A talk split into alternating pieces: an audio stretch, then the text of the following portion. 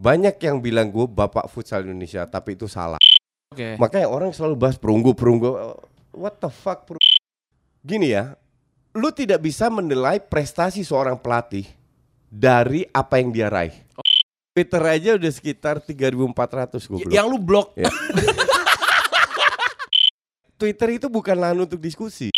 Sekarang dua ya. kali, sekarang duit begitu banyak, dua kali nggak nggak masuk ASEAN ya. Gue punya hak untuk bilang fuck you lah. Oh. Ngerti nggak? Kota Utrecht Iya. tuh sama SCBD banyak yang SCBD Pak. Mungkin. Jauh lebih enak ibarat apa yang gue inginkan bisa dapet. keluarga gue ada video. Ini Crazy Rich Surabaya. Oh ini ini yang ada di Twitter ini nih. Dan lagian kalau pelatih lumba-lumba juga dibilang coach juga nggak apa-apa. Iya, exactly.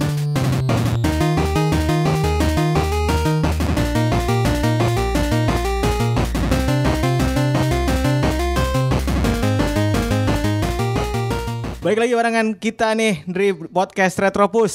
Episode ke-20 dengan Oh, tema iya. Justin Laksana versus the world.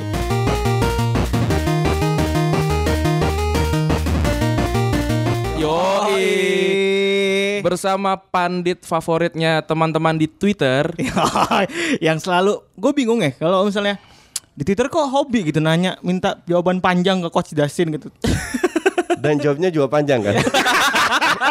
kan lu semua tahu ya Coach Justin tuh nggak mungkin Coach Justin tuh eh, definisi dari buku eh, Sable Art to Not Give a Fuck. tuh. Iya, Udah, satu- ini orangnya nih udah. Ini orangnya. Apa kabar coach? Baik. BTW sebelumnya kita minta maaf dulu nih. Kita telat janjian tadi kan Janjian orang Belanda itu harus on time. ini pelajaran pelaj- pelajaran dulu. Iya, Febri tuh sampai tuh keringetan, kaosan. Ngakunya dari Bangka, Bangka mana juga nggak tahu. Jalan Bangka, Jalan Bangka. aduh, aduh. Jadi gimana Pep eh, konsep acara episode kali ini nih? Jadi gini Coach.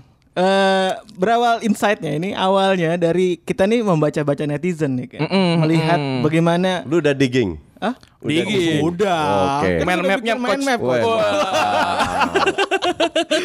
Jadi kita nih melihat kalau misalnya Coach Justin nih sebenarnya kenapa sih dipanggil coach gitu? Oke, itu pertanyaan pertama Itu tuh. pertanyaan pertama. Kenapa coach? Itu net- netizen zaman sekarang ya, Uh-uh. yang baru kenal bola atau kenal Uh-uh. futsal. Nah, ini Kenapa gue dipanggil coach? Sebenarnya gue sendiri nggak mau dipanggil coach. Oke.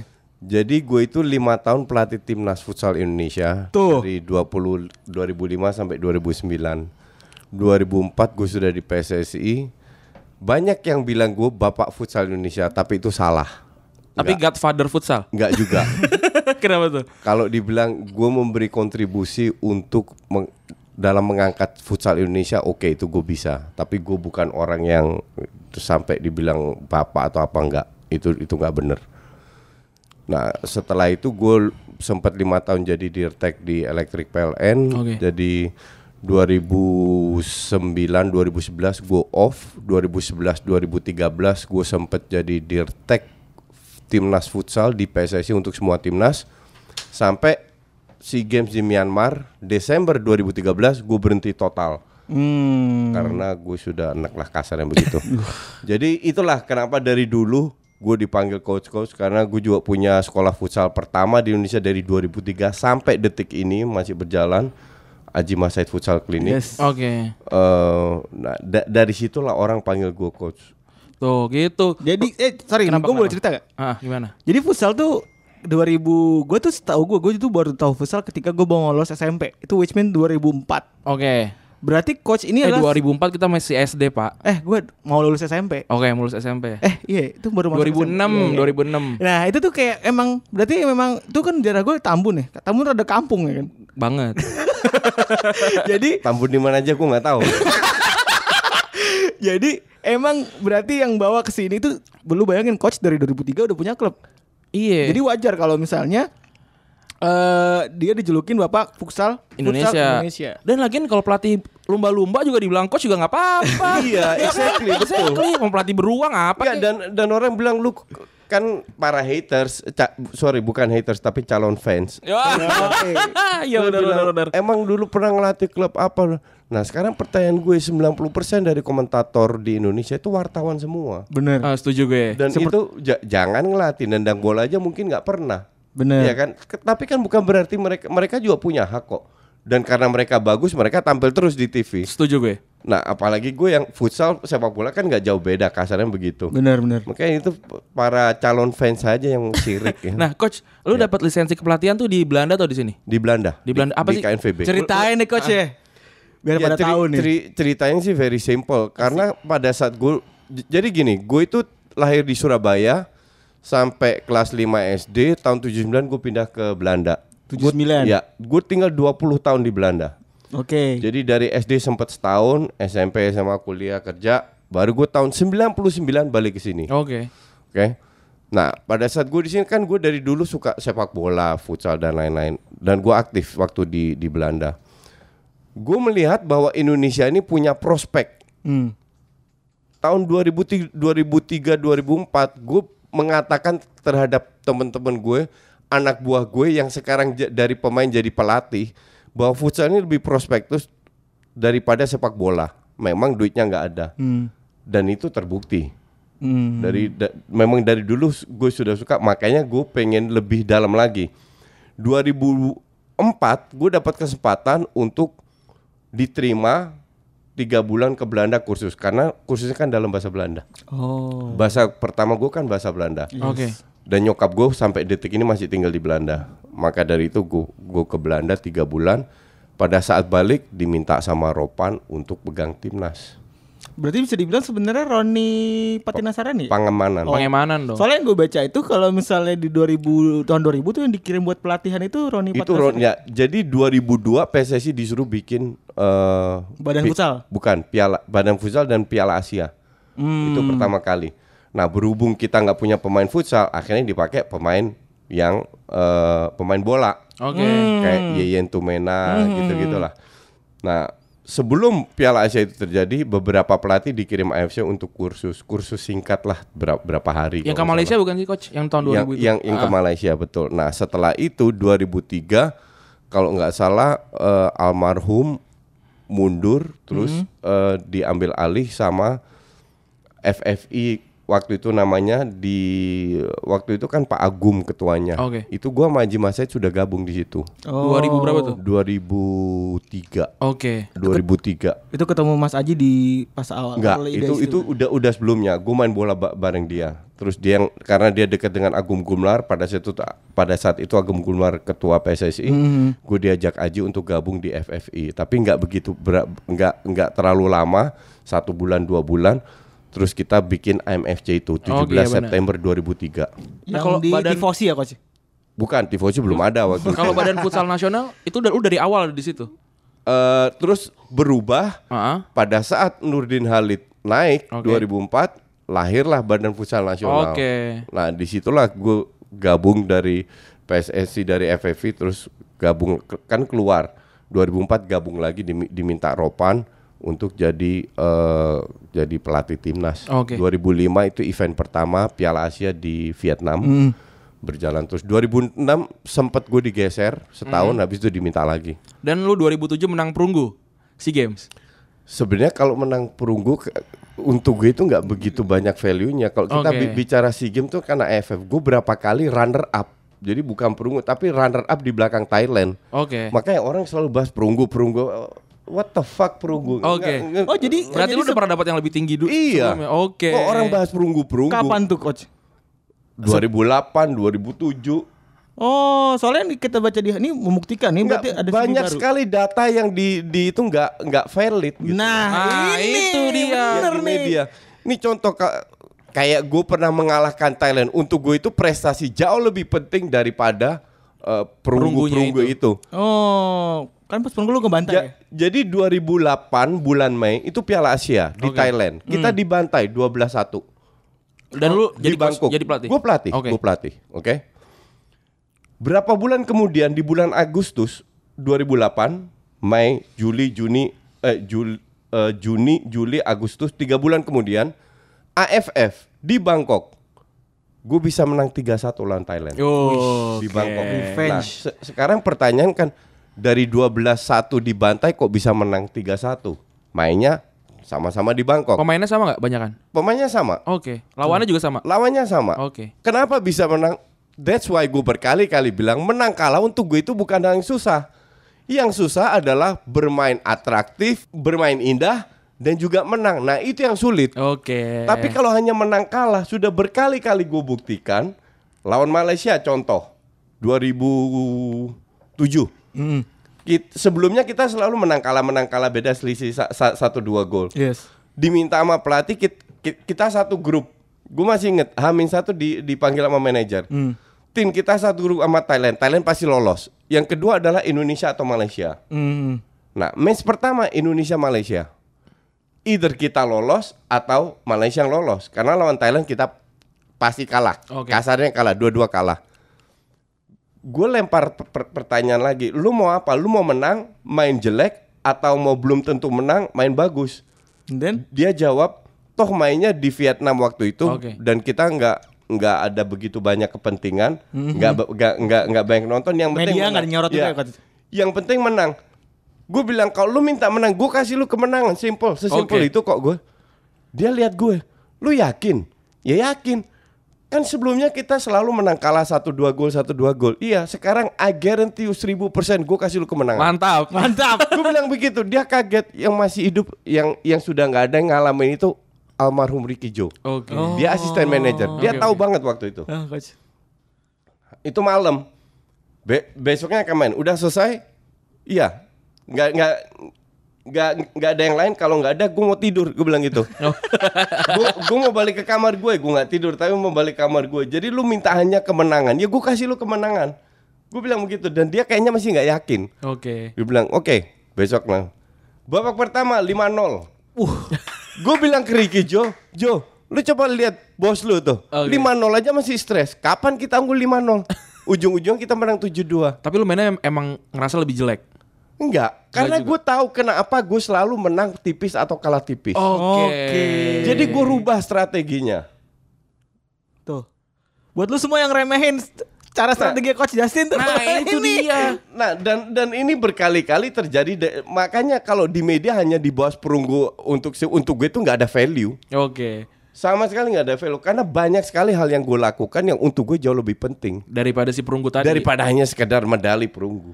Berarti kalau kita tanya apa puncaknya waktu lu jadi pelatih itu apa? Atau jadi dir- direktur teknik? Gini ya, lu tidak bisa menilai prestasi seorang pelatih dari apa yang dia raih. Oke. Kenapa? Karena lu tidak tahu fasilitas senjata yang dia miliki untuk bertempur seperti apa. Oke. Kalau lu dapat lu dapat eh, eh, apa namanya? dapat segala fasilitas tapi lu cuman bisa runner up di Indonesia atau runner up di di di Asiada. Untuk gue itu bel- belum tentu sebagai prestasi. Oke. Prestasi gue kasarnya wa- walaupun cuman perunggu atau atau perak sangat lebih bagus daripada yang sekarang. Kenapa? Karena dulu nggak ada duitnya. Oke. Gue tidak pernah dikontrak. Jadi Oh, gue hanya dikasih uang jajan pada saat ada event. Antar freelance berarti freelance Coach. antar event ini kan banyak waktu di mana kita harus bekerja. Iya. Itu gue nggak dibayar. Berarti bayi kalau kalau lu lagi di sana baru dibayar, tapi kalau di antaranya I- enggak. iba- ibarat kayak begini. Kalau lu pelatih pelatih eh, Oxford United, Oke, Yes. oke. lu bisa jadi nomor 4 di Liga Inggris, IPL. Sebagai Oxford United yang Dan gila banget berarti. itu kan udah gila, Gila banget. banget. Itu prestasinya jauh lebih bagus daripada seorang Mourinho yang jadi runner up dengan MU. Iya, setuju, setuju. Ngerti nggak? Setuju. Jadi jangan hanya dilihat juara apa atau apa, tapi dilihat pada saat Anda meraih sesuatu apa kapa senjata apa yang Anda miliki. Dan dulu itu we have nothing. 2004 empat pertama kali gue pegang timnas, gue bawa bola sendiri, gue bawa aqua sendiri. Jadi teman-teman yang gabung pun juga suka rela semua. Oke. Dan itu zaman itu sampai 2013 kita merem tutup mata main satu kaki masuk empat besar ASEAN. Sekarang Sekarang dua ya. kali, sekarang duit begitu banyak dua kali nggak nggak masuk ASEAN ya. Gue punya hak untuk bilang fuck you lah. Oh. Demen gue emang nih. Karena di di, di eh, internet yang kita temukan lu bilang zaman gue lebih, baik dibandingin zaman sekarang dan terbukti sih. Jauh. Jauh banget. Jauh lebih baik. Nih analisa detailnya nih. Nih, Iya kan? gue kemarin ke Tifosi lagi ada trofeo. Gue bicara dengan beberapa mantan pemain gue yang sekarang ngelatih. Oke. Ada Ade Lesmana yang pegang Cosmo, Sayan Karmadi yang juara dengan Black Steel, ada Hans pem- pemain dan pemilik Cosmo ada ada ada beberapa pelatih yang sekarang aktif ya kan gue Oke. udah empat tahun nggak aktif dan mereka sependapat sekarang itu jauh berbeda visinya berbeda dan lain-lain. Kita ki- kita jangan berandai-andai. Kita bicara fakta. Oke. bahwa lu dua kali tidak masuk empat besar di level ASEAN artinya something wrong dengan timnas ini. Setuju. pelatihnya digaji 150 juta sebulan. Sebulan ya. Sementara lo dulu ngangkat sendiri coach. Kayaknya lu malah keluar duit kayaknya ya. gue keluar duit dulu ya. Sekarang pelatihnya siapa? Yang Jepang ya coach ya? Seka- sekarang yang Jepang Oke. karena yang Belanda yang ma- mahal itu di, di dipecatkan. Oke. Se- Sekarang gue pertanyakan pemain-pemain ini kan dari liga. Lu boleh salahkan pelatih itu hak lu kok. Oke. Cuman nggak fair karena pelatih tidak pernah bisa cetak gol di lapangan. yang cetak gol kan pemain. Oke. Jadi yang pelakunya kan pemain. Jadi pemain punya andil atas kegagalan ini. Nah pemain pemain lahir dari mana? Dari liga kita. Jadi sehebat liga se- sehebat apa liga kita sampai timnas ini terseok-seok. Berarti akar permasalahan tuh di liga yang Itu jelek. ada di liga. Gue bilang sama saya sama Dek, liga kita ini banyak otot, dikit otak dan mereka setuju. Mereka tidak tahu harus apa yang harus dilakukan. Pemain zaman sekarang tidak biasa menganalisis pertandingan. Oke. Pemain zaman sekarang tidak biasa untuk diajak berdiskusi. Ini pendapat mereka yang sudah yang masih aktif di sepak bola sekarang. Dan coach kalau pemain-pemain di liga futsal tuh biasanya dia double job apa emang full time jadi main futsal? Ada yang full time, ada yang let's say 30%, 40% full time, sisanya masih part time. Karena memang belum banyak klub yang duitnya banyak lah. Dan untuk gue itu lu nggak punya duit tapi udah udah bisa ikut liga pro aja lu udah hilang satu satu setengah m per musim. Jadi udah luar biasa. Dan pemasukannya juga nggak seberapa kayaknya. Nggak ada pemasukan, mana ada pemasukan. Itu tuh berarti carut marutnya dimulai dari situ tuh. Tapi jadi berarti wajar ya kalau misalnya orang-orang itu di media-media itu mem- mem- melabeli Coach Justin dengan yang namanya Bapak Futsal Indonesia. Ah. Jadi founding fathersnya ada tiga. Enggak, gue nggak setuju itu. gue nggak suka dibilang. Lo- lo- lo nggak gitu. suka dibilang Nggak, gitu? nggak, ka- karena memang bukan. Kalau bilang bapak itu artinya dia dia yang membawa, dia mengasuh dan kan gue kan gue bilang, gue tidak, gue aktif itu baru 2003. Berarti Tapi kalau gue diberi kontribusi untuk mengangkat futsal itu gue gue iya. kalau yang pertama kali bawa ke sini tahu nggak coach siapa? ya PSSI, Oke. PSSI ditunjuk nggak bukan sosok, Oh nggak ada sosok. nggak ada Nggak ada sosok. sosok. ya? PSSI baru PSSI tunjuk almarhum Roni Patina Sonora. Pati, Iya, Roni Pati. Ah, Oke. Nah, tadi kita udah ngomongin futsal, udah ngomongin eh, beliau di Belanda nih. Sekarang kita pengen ngomongin yang di luar itu. Yoi. Eh, yang gue tahu sih, Doi ini yang bawa Valencia ke sini. Iya, bener gak sih dari Ya, betul. My Event ya? Ya betul. Oke. Nah, kan lu kan fans Barca nih. Kenapa lu bawanya Valencia waktu itu? Karena Barca terlalu mahal. Wah. Jadi ki- kita itu promotor, kita bayar sendiri da- dana kita ya hanya untuk membawa se- sebenarnya tujuannya adalah membawa Valencia dulu sukses agar kita dapat ekstra duit untuk membawa Barcelona. Oke. Tu- tujuannya sih ke situ. Itu Tapi sayangnya 2012 pas ya? Chelsea sempat terus ya coach ya? Kenapa? Pas bawa Chelsea ke sini. Chelsea itu gue tidak bawa tapi gue mengerjakan 80%.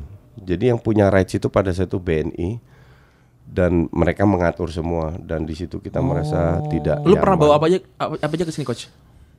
eh, BPL Master di Bandung ya Bona tuh yang yang Oh BPL Masters gue ingat Bandung tuh. yang ngerjain Valencia eh Chelsea bukan gue yang bawa tapi gue dan teman-teman gue yang yang ngerjain sebagian besar terus ada beberapa pemain ya kalau kalau nggak salah Fabregas and Friends terus eh, PP juga PP jadi ada beberapa Ada lah. beberapa. ya. Nah, kalau yang Dan Arthur Irawan gimana coach? Nah, kan ini sempat beredar juga nih kalau My Evans itu berjasa ya kan? untuk ngebawa Arthur Oh, ke enggak, Spanyol. enggak, enggak, enggak, enggak, enggak, enggak, itu bukan kita. Oke. Itu bukan dan gue sampai sekarang, gue kenal Arthur, pernah ketemu ngobrol teman, Surabaya juga ya? enggak enggak tahu. Eh, Surabaya, Surabaya juga. Surabaya, Surabaya. Tapi gue tidak kenal deket lah, Oh, iya. cuman pernah kenalan. Berarti gosip yang beredar kalau eh My friend Bu Arthur enggak enggak bener itu. Enggak, enggak, salah ya? bener. Nah, gue pengen nanya, coach, eh, kan sering tuh Barca nyampenya di Singapura doang gitu. Kita sebenarnya bisa bawa eh, dia dia mau ke sini asal kita punya uang apa gimana sih? Gue itu sampai sekarang masih agen klub. Gue punya, gue kerjasama dengan lima agen di Eropa. Gue sangat dekat dengan ma- commercial directornya Inter Milan. Oke. dan eh, dengan Val- apalagi dengan Valencia. Jadi gue punya berapa link yang cukup bagus. Yang masalah bukan itu, yang masalah orang yang berduit di Indonesia tidak percaya bahwa itu akan menghasilkan duit. Padahal itu bisa menghasilkan duit. Hmm. Asal lu tahu siapa yang lu bawa. Udah itu aja intinya. Oke. Jadi gue sampai sekarang masih agen.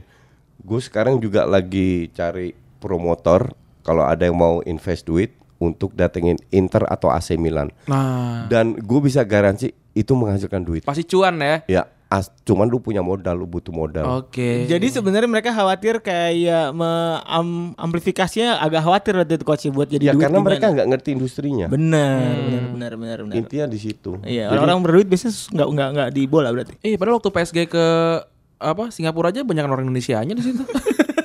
yang eh, ka- kalau kalau PSG gue nggak yakin menghasilkan duit ya. Tapi ada beberapa klub itu yang yang Yang pasti yakin untung ya. Pasti untung.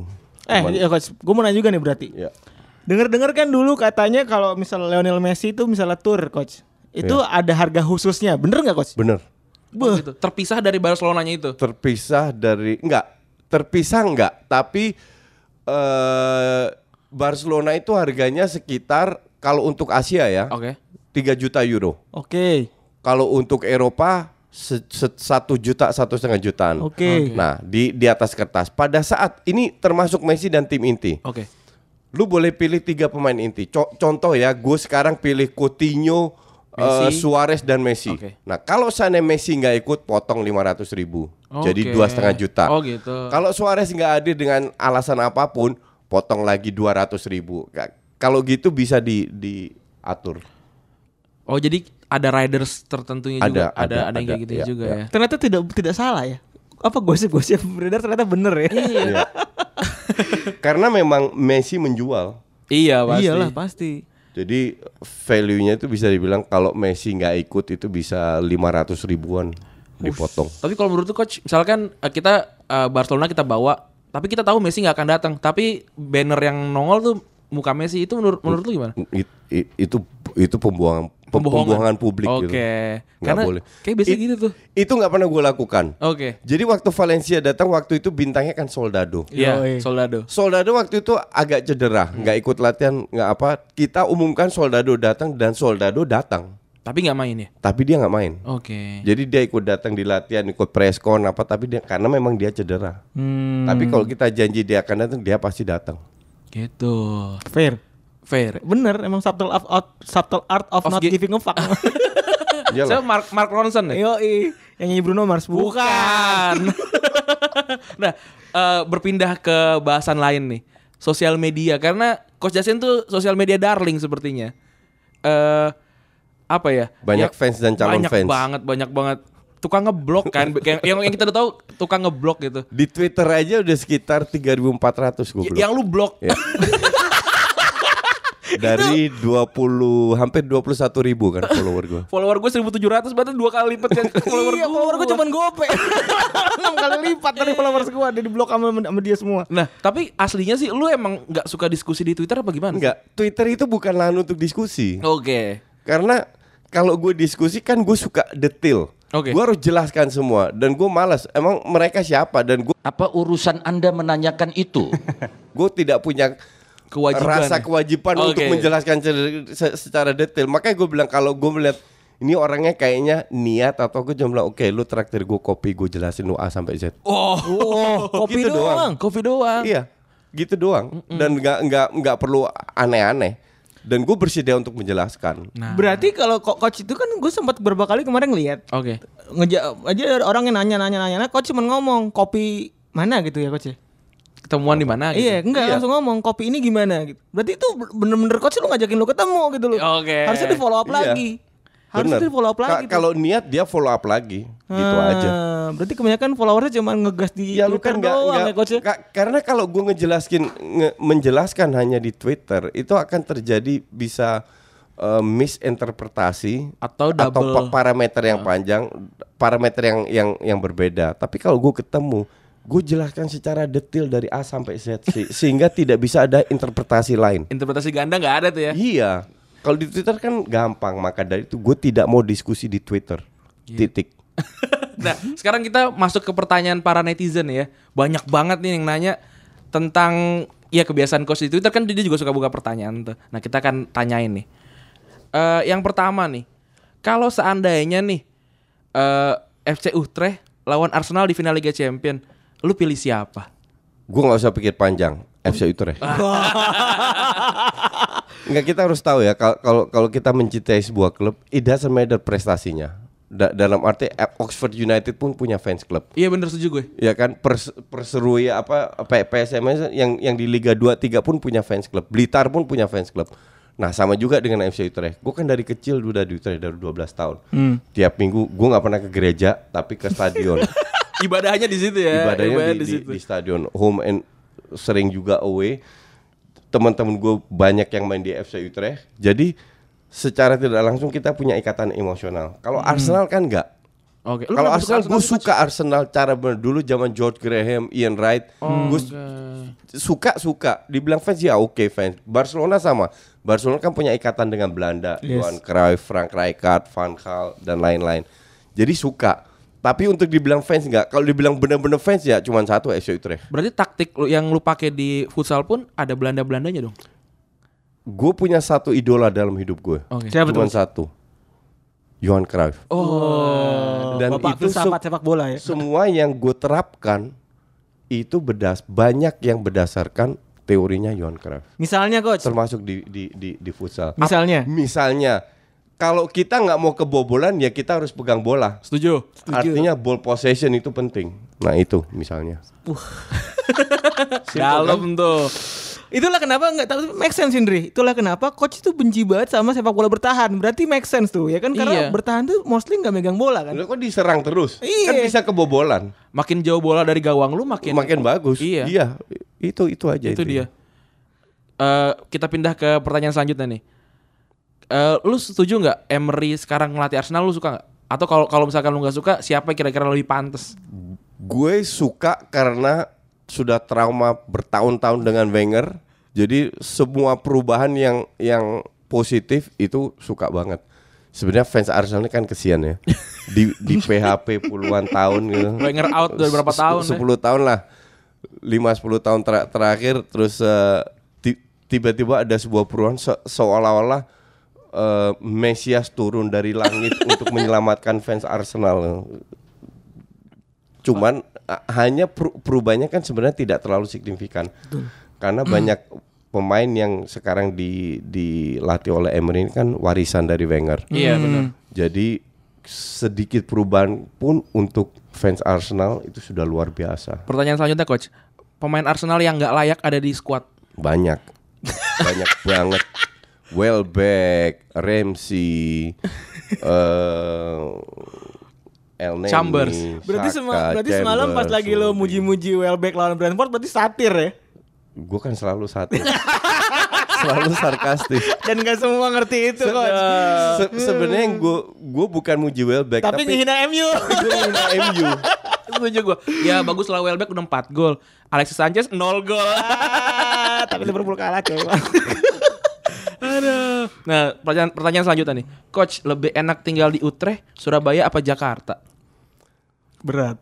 Ini pertanyaan yang sering gue denger orang tanya enakan di Belanda atau di Indonesia? Oke. Enakan di sini atau Ki- kita tidak bisa mukul rata ini enak atau ini tidak enak. Semua negara, semua kota pasti ada plus minus poinnya. Hmm. Sekarang tergantung prioritas kita. Apa yang kita inginkan? Dulu waktu gue 8 tahun tinggal di Utrecht, 12 tahun tinggal di Amsterdam.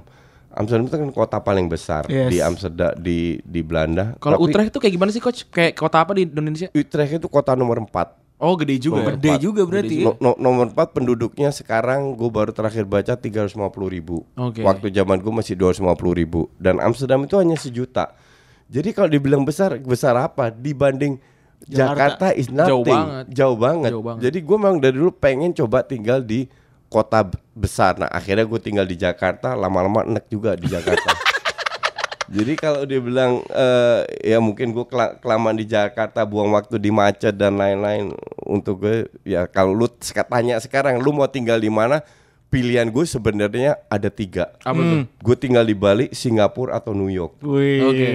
Based on pengalaman berarti Kayaknya itu. kota Utrecht tuh sama SCBD banyak SCBD. Mungkin, mungkin.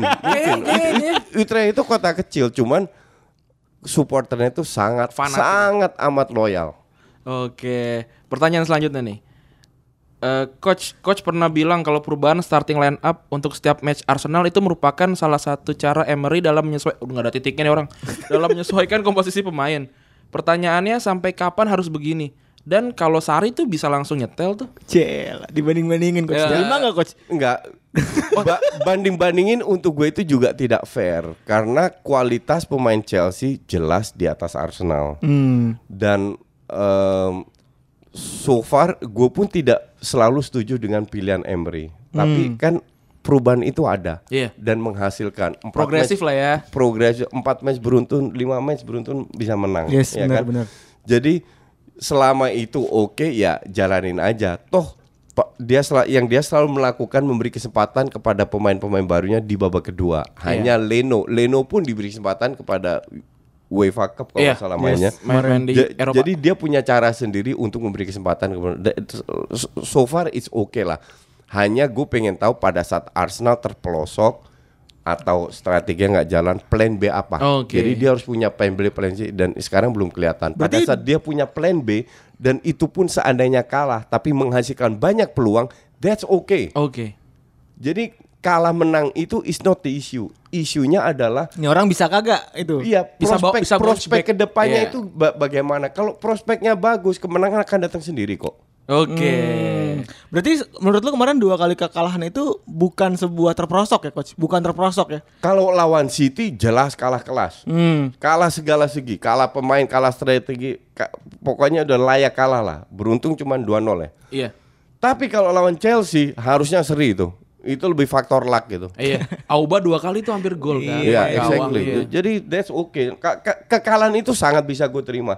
Makanya gue dibeli santai, santai, sabar. Buktinya empat beruntun Sioi. menang. Buktinya sekarang di atas United ya coach? Di atas United. Dua poin ya. Tiket bisnis kelas ke Singapura. gitu. nah, ada yang bilang juga coach mukanya mirip Sari. Itu buta ya. Itu pasti Stevie Wonder yang bilang. nah, terus eh, eh, coach kenapa suka sama Johan Cruyff? Kayak udah disebutin tadi ya. Udah itu, Dan apakah coach merokok terinspirasi dari dia? Matur nuwun.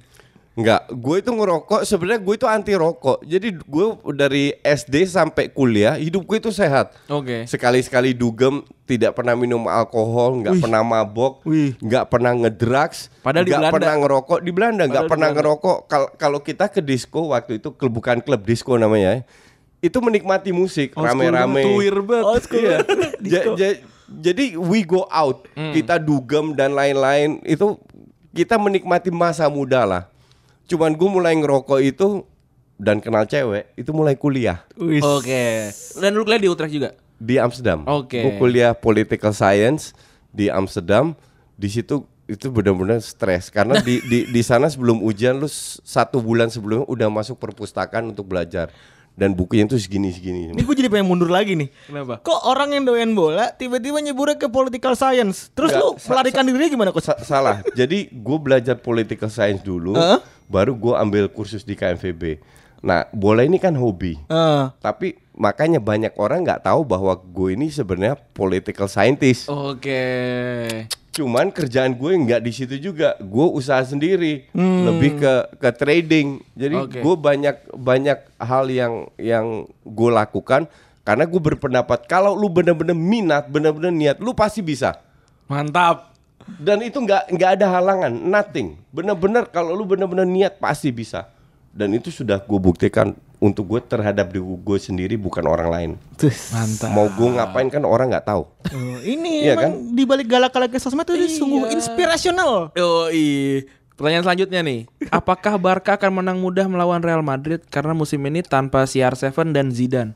Prediksi skornya berapa nih untuk El Clasico pertama? Elah. Kalau kalau menang feeling gue sih bakal menang karena pemain Barca pada saat ini eh, secara tim ya jauh lebih kompak dibanding Madrid karena mereka punya pemain baru yang masih eh, rombak-rombak Ya. lah. Tapi untuk El Clasico pertama di Oktober feeling gue sih Ba- Barca menang kalau seandainya bener-bener eh, full tim yang turun Di New Camp atau di Bernabeu sih? di Camp Nou kalau nggak salah Oke. bukan New Camp ya Camp Nou Oke, maaf. Gimana sih lu kan fans Barca ya? Football Club Barcelona. eh, coach ya- yang bawa apa yang bikin ini Barca lu bukan sih? Eh, gue salah satu founder Oke, salah soalnya satu founder dan gue yang nego dengan FCB langsung untuk bisa Ada P-nya ya? diakui sebagai eh, fans club yang official. kan waktu itu sempat ada clash tuh kan nama sebelah kalau nggak salah. nggak pernah ada clash, tapi memang ada dua. Ah. Tapi ki- kita tidak pernah mau clash dan setahu gue memang nggak ada clash, hanya mereka tidak mau diajak merger dan Oke. itu juga hak mereka. Tapi akhirnya ya untuk gue itu sebuah motivasi karena nggak mau diajak merger ya udah kita usahakan bahwa kita yang diakui dan itu terbukti. Seperti yang gue bilang kan, kalau lu mau niat sesuatu pasti bisa. Yoi. Soalnya di 2011 kalau nggak salah ya gue apa 2012 gitu. Jadi eh, ketua Indobarka Semarang pertama namanya Abdul Somad, dia kerja praktek tuh ke ke Jakarta, cuma mau dapetin ini apa mau mau buka Indobarka Semarang gitu. Dan gua anggota kelima atau keenam gitu. Sepi banget waktu itu yang nonton. Gitu. Terus Coach bahas peran Lamela dan Mora yang seakan jadi rekrutan barunya Spurs. Sekalian minta amnestinya ya.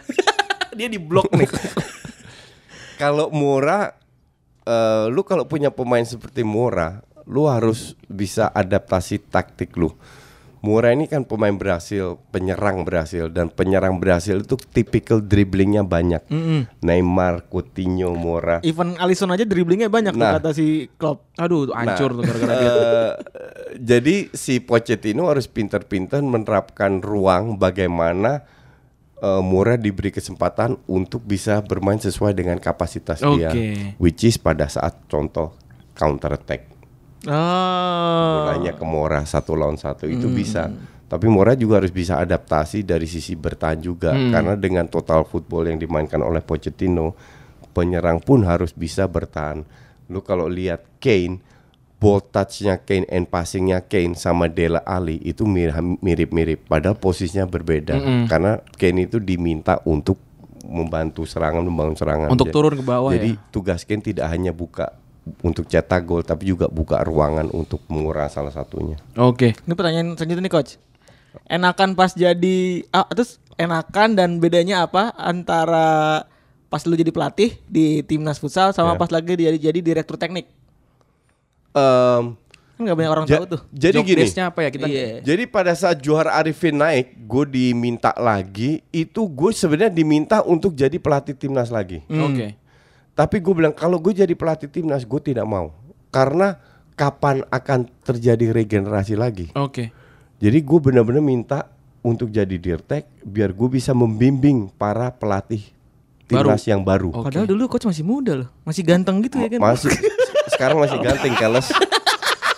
jadi jadi tujuan gue untuk jadi dirtek agar gue bisa membimbing. Nah kita waktu itu punya U21 timnas senior cowok dan timnas eh, cewek. Nah itu pelatih pelatihnya itu gue yang tunjuk, gue yang tunjuk, gue yang bimbing mereka agar mereka bukan artinya gue gue nggak bisa ngelatih lagi, tapi gue pengen kasih kesempatan kepada pelatih pelatih baru. Oke. Kayak banyak kan yang minta lu turun lagi kan, turun gunung Iya, lagi. sebenarnya gue mau sampai detik ini ka- karena gue lihat futsal kita itu nggak berkembang, Oke. dan gue berkembang dari sisi strategi gue berkembang itu hanya gue bisa terapkan di AMFC.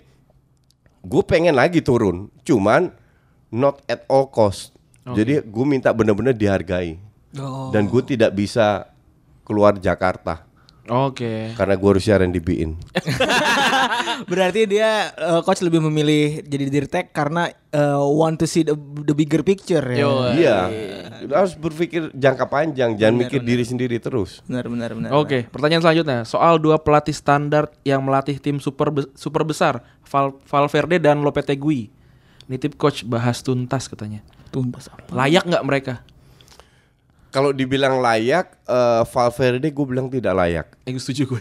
gue bilang Valverde tidak layak, Lopetegui kita tidak bisa menilai karena dia baru Baru gabung banget ya. Dan Madi juga nggak jelek-jelek amat track kok ma- dia? mainnya.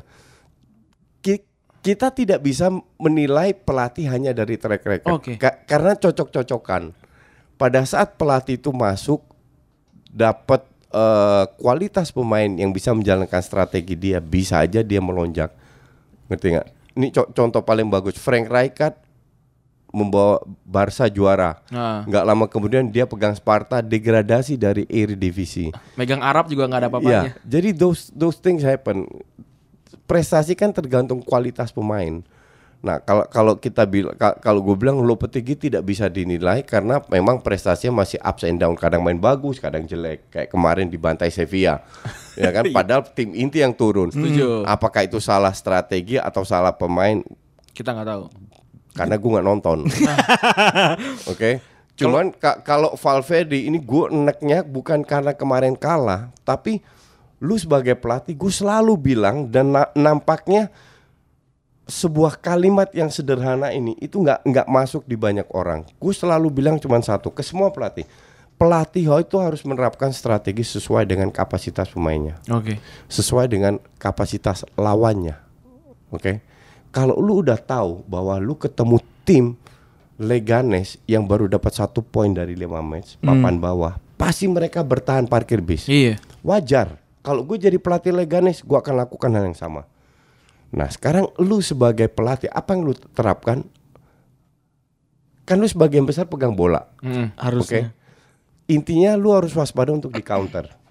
Untuk bisa antisipasi counter, lu harus taruh pemain cepat. Setuju. Jordi Alba dicadangin. Heeh. Kayak gitu. Maininnya Vermaelen. Mainin Vermaelen. Eh Fidel Su- Suarez Cadangin. dicadangin. Untuk gue itu how stupid are you gitu. Iya. Kalau lu mau memasukkan pemain baru memberi kesempatan kepada pemain kayak Malcolm, Suarez, eh, Munir dan lain, gue setuju kok. Tapi caranya pada saat lu main lu unggul 3-0 baru lu ganti itu Suarez dan lain-lainnya. Tapi bukan bukan dari awal. Ini kan kalau gue melihat ini ada faktor meremehkan yang dilakukan Iya, oleh oleh Va- Valverde sehingga bagus kalah. Kalau bisa dua tiga kali kalah beruntun biar dipecat pelatih kayak begini. Nah, kalau dipecat, lu maunya diga- eh, diganti sama siapa? whoever pelatihnya yang penting filosofi filosofi eh, eh, apa namanya Johan Cruyff-nya. filosofi Johan Cruyff itu tetap dipertahankan Yang tersedia di market siapa tuh? Yang ada sekarang? Apa nggak ada? Se- semua pe- pelatih itu bisa dibeli kok it's all about money dan Barca nggak kekurangan duit kok Oke. Kalau Safi itu tiba-tiba dia ya bisa aja kenapa aja. enggak ya bisa Se- semua bisa tergantung kembali lagi eh, ki- kita harus sadar bahwa pelat pelatih besar di dunia Oke. kebanyakan bukan pemain besar Iya, setuju. ya kan? Bahkan pemain besar yang jadi pelatih, pela- pemain sukses yang jadi pelatih sukses, tahu gue cuma ada tiga, Beckenbauer, Johan Cruyff, dan Maldini, Cesare Maldini. Masih tiga ya coach, Iya. masih tiga. Masih tiga. Yang yang lain kan kalau orang bilang si eh, Deschamps, Deschamps mah sampah kalau gue bilang. Main kayak gitu mah parah. Itu untuk gue nggak nggak masuk hitungan sama sekali gitu loh. Walaupun dia mah juara Piala Dunia. So what? Oke. Piala Dunia itu kan cuma turnamen, tergantung drawing lu. Se- se- se- sejauh mana dan dan tergantung form of the day tim-tim lain. Bukan Insight berarti yang lu bagus sih. hebat. Insight yang bagus sih. jadi jadi cuman kalau lu bicara bicara uh, Be- Beckenbauer, Johan Cruyff itu kan sudah terbukti long term, bukan short term, bukan hanya satu turnamen. Berarti kalau gue lihat dari eh, omongannya coach, berarti em, coach ini menilai pelatih dari liga ya coach seringnya. Karena kalau misal turnamen itu kan lebih seringnya kayak putus-putus iya, gitu kan. ka- karena liga itu kan konsisten. Benar, Tiap minggu benar. lu harus berprestasi, home and away. Kalau turnamen entah itu UCL lah, entah itu Piala Dunia, Piala itu kan tergantung form of the day. Benar, Tergantung drawing. Benar benar. Wah. Gitu. Makanya Zidane menurut lu belum terbukti karena ya begitu ya. Si- Zidane di liga berapa kali sih juara? Sekali doang kalau nggak salah. Kayaknya nggak pernah ya. Belum pernah. Nggak pernah. Nah, cuman di UCL kan. Iya, usia doang berturut-turut tuh. Exactly. Dan itu tetap sebuah prestasi. Benar, Tetap benar, harus benar. Fair, fair, fair. Tapi tidak bisa dibilang bahwa Zidane pelatih hebat Oke. untuk gue. Nah, pertanyaan yang nyambung nih. Kalau Lampard kan baru kemarin tiba-tiba meledak tuh gara-gara ngalahin MU.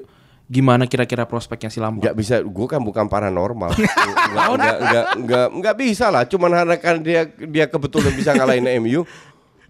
Kan bu- bukan bukan Ah, itu sama sekali dan mereka Bukan sekarang- parameter yang iya mereka benar sekarang ya. ber- ber- berada di ranking 6 dan seorang Lampard kan butuh waktu banyak untuk bisa membuktikan Berarti gak dia- semua hal tuh bisa lu tanya ke Coach Justin. Coach Justin tuh emang iya pandit gitu. Bener, cuman Ya. ya Kita nggak sebutin namanya nih. cuman ya bukan paranormal juga Mali. Iyalah. Ma- makanya gue paling benci diminta prediksi-prediksi emang kita paranormal lah. Bang. Biasa coach kan mau masang coach. A- apalagi kalau kena kartu merah kayak gitu kan, kan kita nggak pernah tahu. Oke, coach, ada lagi coach. Apa yang bikin berbeda antara IPL dan liga lain di Eropa? Apa karena liga Inggris lebih ke arah komersil dan prestis dan hegemoni sepak bola di Inggris emang gede? Banyak faktor. Kalau hegemonis iya, budaya iya, sisi komersial iya. Dalam arti kalau lu lihat uh, camp work-nya di Liga Inggris jauh lebih menarik daripada Italia. Contoh. Kedua, setting lapangannya tanpa fans, tanpa pagar, tanpa sintel ban. Hmm. Jadi banyak faktor yang membuat Liga Inggris ini menarik. Dari sisi marketing, dari sisi bahasa, orang lebih ngerti bahasa Inggris daripada bahasa Italia dan ya. Spanyol dan dan dan lain-lain. Tapi kalau kalau dilihat ini ada ada eh, sisi negatifnya juga buat Inggris. Artinya pemain Inggris yang muda susah untuk masuk jadi pemain inti dan itu imbasnya ke timnas. Iya. Dan kalau di eh, UCL kenapa jeblok terus dari 2013 terakhir ya? Chelsea? UCL. Ha-ha. Karena pelatihnya kalau gue bilang dan rata-rata pemain Inggris kan over value semua. Nah, pemain yang murni Ah, Inggris ya. ah. Nah, sekarang kita lihat sudah masuk baru musim ini masuk pempa pelatih top semua lah ka- Iya, kasarnya. Dan Klopp sudah tune in, Sari dengan sepak bola modernnya. Ball. Pep sudah udah bagus. Emery sekarang masuk. Nambah lagi macam-macam Iya, kayak iya. Ma- Mari huh? Pe- Pellegrini Nah, terus ja- Marco jadi kalau kalau kalau gue bilang eh, harusnya musim ini timnas tim tim Inggris mulai dari musim lalu lah Liverpool bisa masuk final eh, itu sudah bisa Seenggaknya ada yang di final lagi lah ya. unjuk gigi lah di Eropa. Oke. Tapi berarti kalau gue lihat nih, coach kayaknya seneng sama Liverpool akhir-akhir ini karena Klopp ini nunjukin proses ya coach. Seperti teori yang lu bilang. Progresnya Progresnya selalu positif. Klopp Klopp ini eh, beda ya.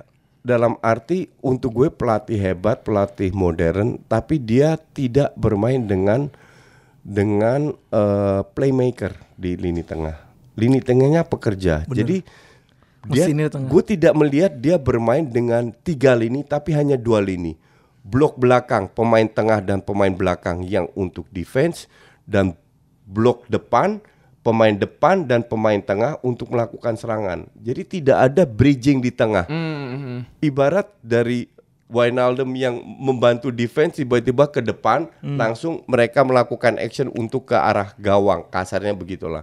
Jadi ini strategi yang agak yang juga mulai diterapkan oleh oleh Valverde di Barcelona dengan menempatkan eh, Busquets, Vidal apa kalau Coutinho seandainya tidak bermain dan itu Beli Coutinho tapi nggak Iya, dibeli buat itu apa fi- filosofi yang berlawanan dengan Barcelona karena Barcelona biasanya dengan tiga blok belakang tengah ke depan. Nah Klopp ini punya sistem yang berbeda. Nah ini yang yang yang membuat gue apa namanya sangat tertarik bagaimana pemain kayak pemain mediocre kayak Milner, kayak Mil- Milner, kayak Wijnaldum. Wijnaldum apa bisa memberi bola kepada tiga pemain depan kan 80% yang cetak gol kan pemain depan Iya, benar. Iya kan? Nah, da- dari sinilah untuk gue sebagai pengamat itu interesting tuh untuk melihat Dan itu bukan perubahan kekurangan, Coach. strategi. Kenapa? Bukan kekurangan kalau gelandangnya nggak bisa nyetak gol. Eh kalau gue bilang kekurangan. Oke. Karena lu terlalu tergantung terhadap dua tiga orang aja. Dan Untungnya dan mereka selalu inform ya. Untungnya mereka info nggak cedera, nggak suspend pada Iya. saat itu terjadi. Sekarang praktis yang di bangku cadangan hanya Sturridge saja lah yang bisa di di di, Yes. diandelin. Kalau Dan yang untungnya mer- dia juga ada 4 gol lagi Sturridge Iya. juga. Jadi mereka punya empat pemain untuk tiga tempat. Tapi kalau seandainya w- whatever alasannya apa dua atau tiga pemain nggak bisa tampil kan Modar. pusing. Kemarin aja kalah dengan lapis dua. Lapis Iya, dua benar-benar. Liverpool, lapis dua Chelsea. Benar-benar. Kalah. Masuk Hazard kelojotan. Iya. iya. Katanya Kante bilang gue nggak mau penalti penaltian lu golin deh beneran di gol langsung. Kante memang anak baik. Nih pertanyaan terakhir dari Anak netizen. masjid. Pertanyaan netizen nih. Sebenarnya performa MU yang cupu ini salah siapa? Apakah harus Pogba yang cabut, mau yang cabut atau Ed yang cabut? Enggak. Kalau Edward Woodward pasti nggak cabut karena dia tidak berurusan dengan teknis. Oke. gini ya, kalau gue harus objektif, gue lihat ini ada ketidakpercayaan antara pemain dan pelatih. Oke, ini sudah kejadian dengan Mourinho waktu dia di Chelsea, Yes. di mana dia pecat, Iya. dan sekarang kejadian di MU. Jadi bukan pemainnya tidak hebat, bukan pelatihnya tidak hebat. Gue tidak mau bahas bag dengan istilah bagus atau jelek. Tapi yang gue lihat di sini ada missing link, miscommunication antara staf pelatih sama pemain sehingga sinergi ini tidak ada dan itu hasilnya di lapangan. Iya, Mourinho tuh kelas mulu ya sama Ronaldo, sama Eva Carniero dulu waktu di Chelsea. Sekarang sama Mori, eh, sama Pogba. Berarti si Mourinho itu apa sindrom musim ketiganya diberantemin sama pemainnya sendiri ya? Mu- Mourinho itu tidak pernah lebih dari tiga tahun di, di sebuah Ah, klub. iya. dan dia itu terlalu tinggi. Gue melihat dia tidak bisa melihat pemainnya lebih ngetop daripada dia. Jadi dia pe- pengen dia itu tetap ngetop. Ronaldo kan lebih ngetop waktu itu. Iya, bener. Diajak ribut. Sekarang Pogba diajak ribut. Kemarin Hazard diajak ribut Diajak juga. ribut juga. Oh, Oke. berarti Jadi dia, dia- mau jadi dia- star sindromnya gede iya, banget ya coach. egonya itu gede banget ini orang. Kalau lu egonya nggak gede, lu ka- kan kan kan eh, pada saat eh, kalah lawan Brighton kalau nggak salah, Hmm. kan lu nggak bilang, oh ya, gue pelatih yang paling banyak meraih title dan lain-lain. Artinya lu tidak bisa membanggakan dengan situasi yang sekarang ada, lu ngandelin sejarah. Oke, mirip-mirip Liverpool. Oke, itu pertanyaan-pertanyaan dari netizen. Sekarang kita pengen yang santai-santai lah, udah udah beres ngomongin bolanya nih. Iya, udah beres nih. Ini Nah, se- segmen terakhir ya. segmen terakhir. Jadi ini uh, gue ngikutin dari uh, BBC 4 uh, Desert Island di paket pertanyaan nih. Uh, Silakan coach dijawab. sebelumnya kita udah ngumpulin uh, Data. lag- data lagu-lagu yang beliau suka dan gue kaget kayak wah bawa bapak lagunya begini nih nah Lagunya Tupac cuy. lagunya Tupac dua lagi yang dipilih nah kita kita tanya ya kenapa dia milih Tupac How Do I Want It How do you want it? Tell me, is it cool or fuck? Do you think I come to talk in my fool or what?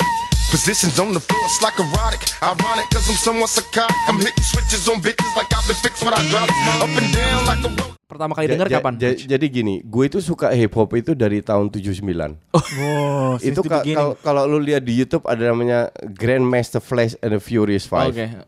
Eh, ada beberapa hip hop yang untuk gue bikin suka dengan hip hop dan hip hop kan kan rebellious waktu itu. Wih, kan gue iya masih bener, umur bener, 12 13 tahun. Oke. ah, Bener, bener, udah udah suka ngebully. Udah dengarnya Tupac lagi kan. U- udah anti mainstream jadi udah dari kecil suka hip hop sampai lahir eranya Tupac. Taruh dia bawa Glock nggak di belakang nih? Ngeri gua. Bukan tuh. Jadi eranya Tupac itu tahun 90-an untuk gue dan untuk Pangi juga yang juga hip hopper. Heeh. Itu is the best area, the best the best era untuk uh, hip hop. Maka dari itu gue sukanya Tupac. Tupac itu untuk gue lebih dari orang kan hanya ngelihat dia seorang kriminal, seorang apa.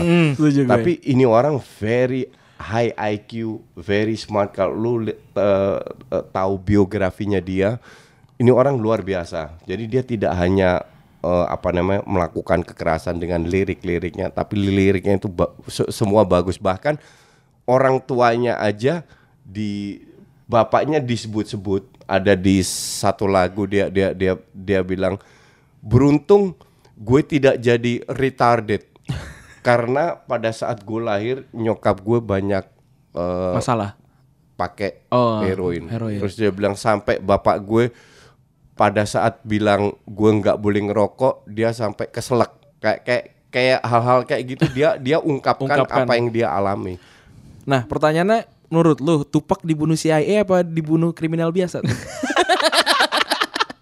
Gue baca biografinya juga ya. Jadi semua yang gue baca gue nggak telan mentah-mentah, tapi gue teori konspirasi kan kalau ini gue kan. cek-cek lagi dengan dan, basic political science. Ya betul. mantap Dan gue lihat dia ini perselisihan antar geng sebenarnya. Oke. Ya, ja- jadi Tupac itu dibunuh sama the geng lawannya. Ya, ya. Oke. Nah terus tadi ada lagu Tupac lagi yang hit them up.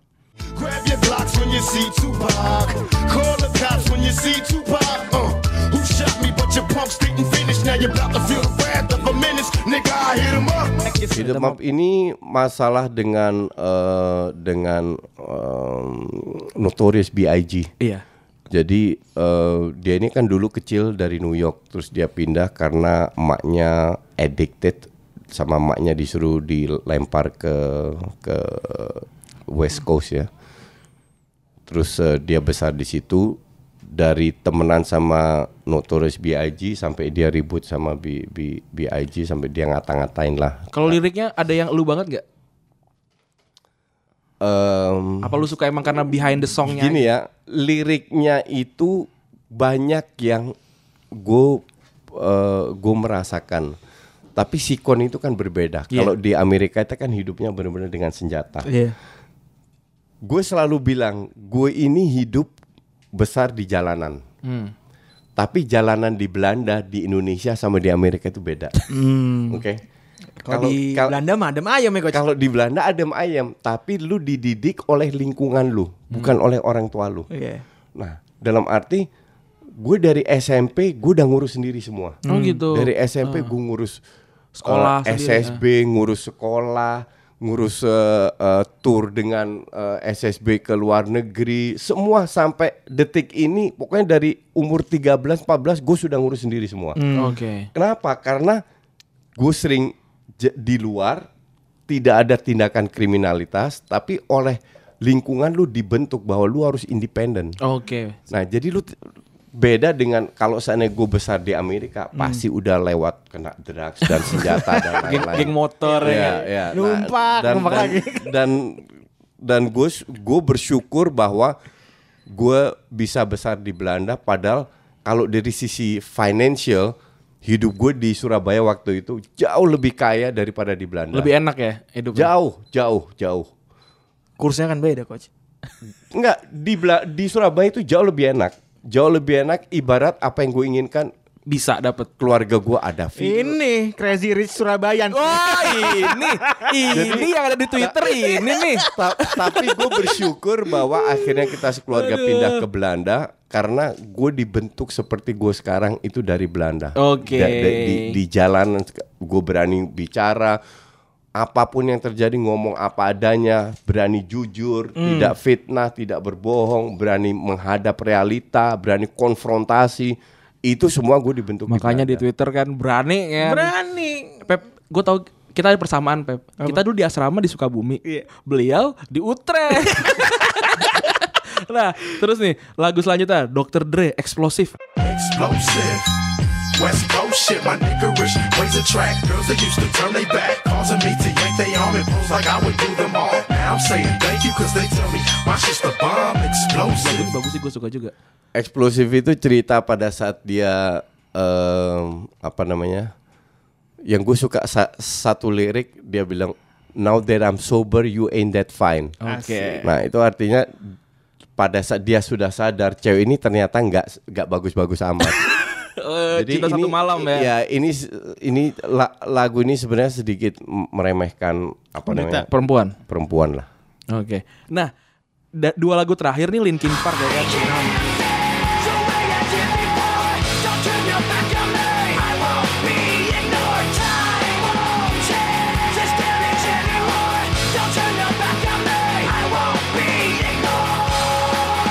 Sama Vane kan. Nah, yang gue tahu ternyata kan Doi nggak suka Ramsey ya. Hmm. Ternyata waktu Ramsey golin, Chester Chester, Benningtonnya meninggal. Oh gitu. Ternyata nggak suka Ramsey-nya. Ada bunganya. Cocokologi emang dia coach Cocok cocokologi. Tapi gua- kenapa? Lu kenapa suka fans sama itu Eh, Meteora berarti ya? Sebenarnya kalau kalau kita dengar liriknya liriknya Linkin Park ini beda banget dengan hip hopnya eh, Tupac dan lain-lain. New metal ya kan. Ini lebih simple lah. Se- Sebenarnya lirik yang dinyanyikan oleh Linkin Park ini pop banget lah, mainstream banget Mainstream lah. banget, ya. setuju. Cuman dia bisa menyatukan antara rock dan dan dan rap dan Ah. hip hop itu untuk gue uh, luar biasa. Kalau lu nonton konsernya Linkin Park dengan Jay-Z, that's the best concert yang pernah gue tonton. Oke. Gue juga nonton sih coach tapi di video. itu itu ya sama. itu itu keren, itu asli keren banget. keren itu. banget ya. Keren banget sih coach. Nah, gitu Pep. Pertanyaannya udah habis semua nih. Jadi eh, lu lu semua yang dengerin tahu sisi lain dari Coach Jasin yang tukang ngeblok dan tukang marah-marah di Twitter nih. Tapi coach ini orangnya fair gue lihat. Fair dong, Gua- harus gua fair. Se- sebenarnya gue nggak merasa marah karena gue Iya. ketik sambil senyum. Nah, itu yang orang nggak tahu, Coach. Jadi Itu yang orang nggak tahu. Gue bilang ya gue mungkin orang melihat teg, se- Tegang. sebuah tegas, Teg- ya, tegas. ketegasan itu dianggap marah atau arogan dan apa-apa. Padahal mah enggak ya. Ke- Karena Twitter tanpa nada soalnya. Iya. Kalau exactly. podcast ada nada. That- that's, that's why gue bilang gue tidak bisa diskusi di Twitter. Karena tanpa nada gitu. Ada lagi yang mau Tapi tanya juga tadi highlight dari coach tuh, coach senang gue senang banget nih. Apa tuh? Ketika di luar sana tuh banyak orang itu nggak nonton bola tapi ngejudge. Itulah kenapa dia bilang itu fans live score. Tadi coach dengan fair bilang, gue nggak bisa udah nilai karena gue nggak nonton. Tuh, fair Oh, pas kan? Madrid ya. Iya. Iya, gitu. Iyalah, gimana kita bisa menilai kalau kita nggak nonton? Nah, coach tadi kan pertanyaan banyak nih.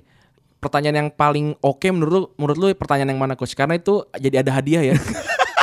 Iya coach, jadi kita bikin Bikin sayembara. gue sukanya atau gue suka ka- pada saat gue diberi kesempatan Ah. untuk eh, mengungkap mengum, mengungkapkan ah. realita yang tidak sesuai dengan eh, Faktanya. apa yang beredar di media. Oke. Co- contoh ya ya ya ya tadi lu kan eh, peraih Medali perunggu. men- medali perunggu di di mana AFF ya atau SEA Games. Untuk gue itu asli nggak ada nilainya dan I don't even know medali itu di mana sekarang. Waduh. Ja- ja- Jadi untuk gue lebih penting menunjukkan bahwa menang kalah itu bukan hal yang susah. Oke. Sudah gue pernah lakukan dan perubahan strategi. If you focus on changing, result will come. Oke. If you focus on result, you will not change. Itu kayak bio Twitter tuh ya kalau nggak salah. ya udah gitu aja nih. Berarti Episode- nggak ada yang menang nih? Ah, nanti kita pilih aja Oh sendiri. iya nanti kita pilih aja deh ya. Soalnya itu pertanyaan itu dari Febri. Febri yang menang kan gitu. Ya udah, Gitu. coach thank you banget Ya, nih. sama-sama. Thank you salah satu ayah asuh kita. Yoi. Ya kan abis ini mau rekaman lagi. Eh, eh, makasih. Udah sejam ya? Udah sejam nih. Makasih yang udah dengerin teman-teman. Jangan lupa ikutan FPL-nya Retropus. Dengerin juga box to box, box out, terus umpan, Umpan tarik. Terus, juga kalau di band umpan lambung umpan juga ada. lambung di band juga. terus Terus apalagi juga ada apa lagi? eh apalagi sih? Udah ya kayaknya itu aja. ya? Udah, udah. Udah gitu Belum, aja. Masih itu aja. Masih Oh, baru-baru itu karena baru masih ada beberapa aja. lagi. Iya. Box to box nih siap mengeluarkan banyak Oh ya, ke depannya we are we will spread our wings. Yo, iya. yang jelas kita bakal wawancara bapak-bapak kita semua ya kan. ya udah, eh, gua Rani cabut. Gua Febri juga cabut. Bye bye.